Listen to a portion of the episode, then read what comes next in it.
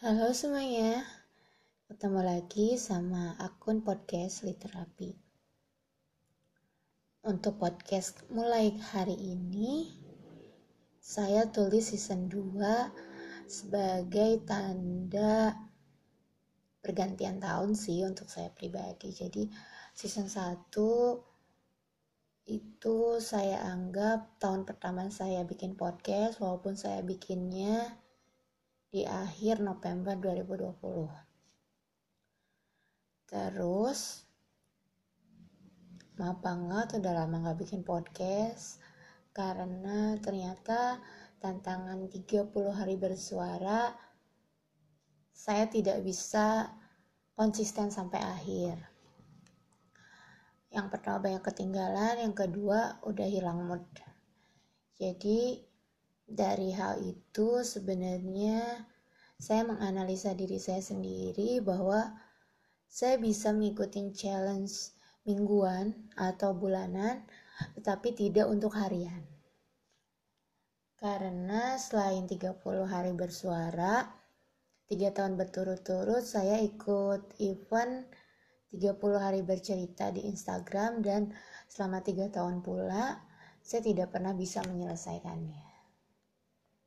Jadi terserah orang. Boleh bilang saya tidak bisa konsisten dan memang itu kenyataannya. Tapi untuk challenge mingguan atau bulanan ternyata saya bisa memenuhinya. Karena waktu dan temanya mungkin lebih fleksibel daripada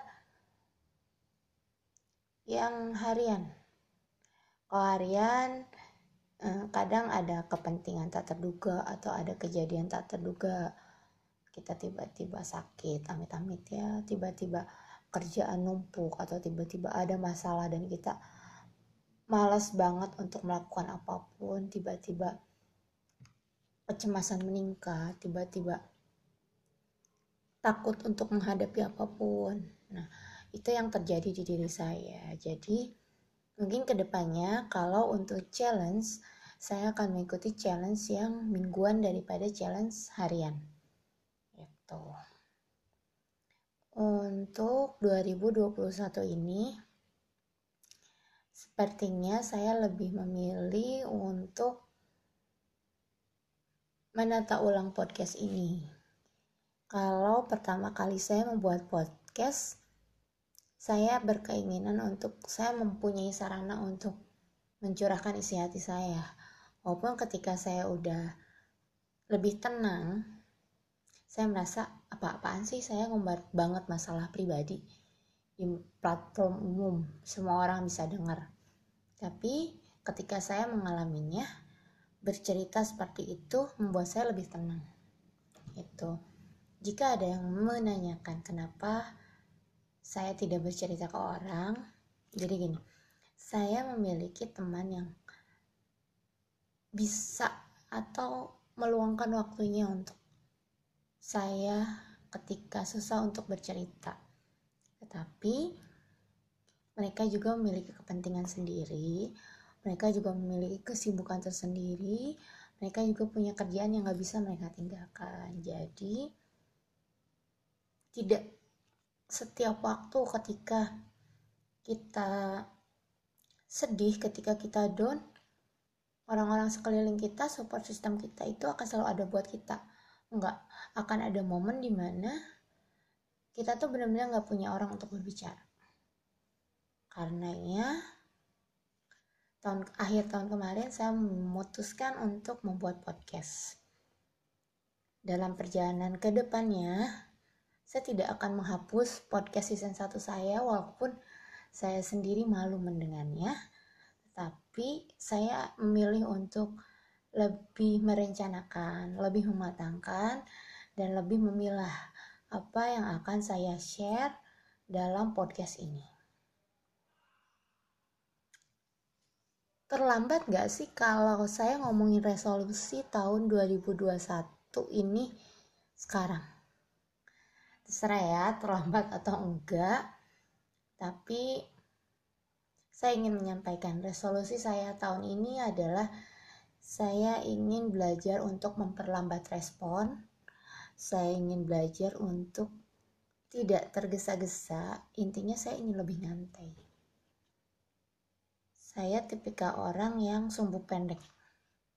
Ada kejadian selalu ditanggapinya dengan emosi. Jadi nggak mikir dulu.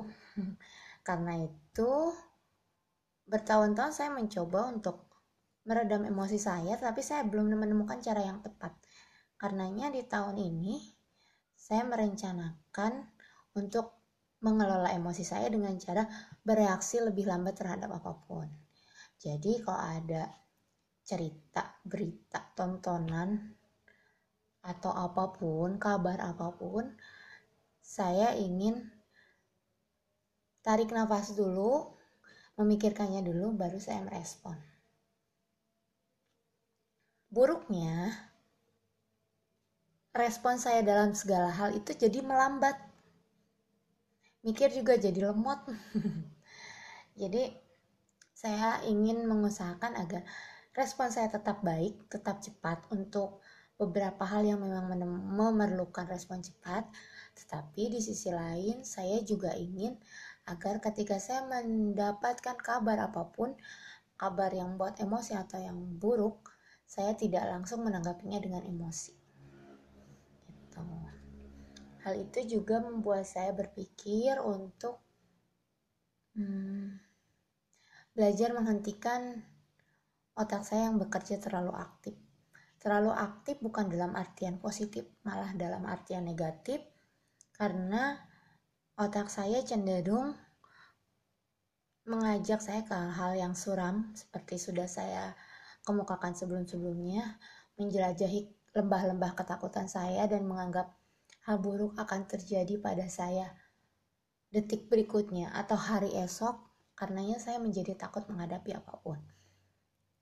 Untuk itu, saya ingin agar saya belajar lebih banyak mengerem aktivitas otak dengan cara bermeditasi. Kalau terlalu berat mengatakan meditasi, paling tidak saya belajar untuk mengatur napas jika ketika otak saya sedang berpikir hal yang suram-suram, hal yang buruk, tarik nafas, keluarkan. Itu. Untuk sementara, resolusi saya sih itu aja. Dan apa lagi ya?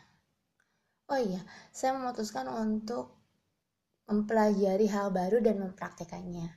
Seperti hari ini saya baru selesai ikutan kelas podcastnya siberkasih.id.